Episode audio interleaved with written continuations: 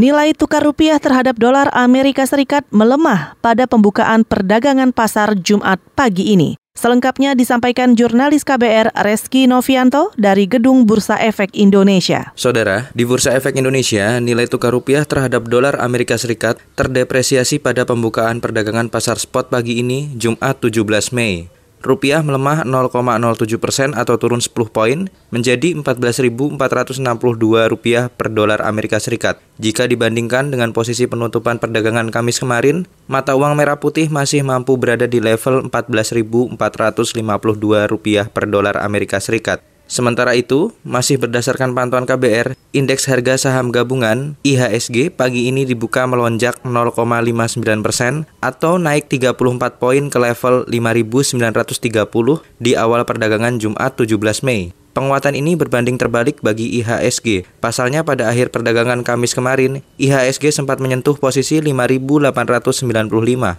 Para analis keuangan memprediksi saat neraca transaksi berjalan mengalami defisit, akan ada lebih banyak uang yang keluar dari Indonesia ketimbang yang masuk. Dari Bursa Efek Indonesia, Reski Novianto, KBR.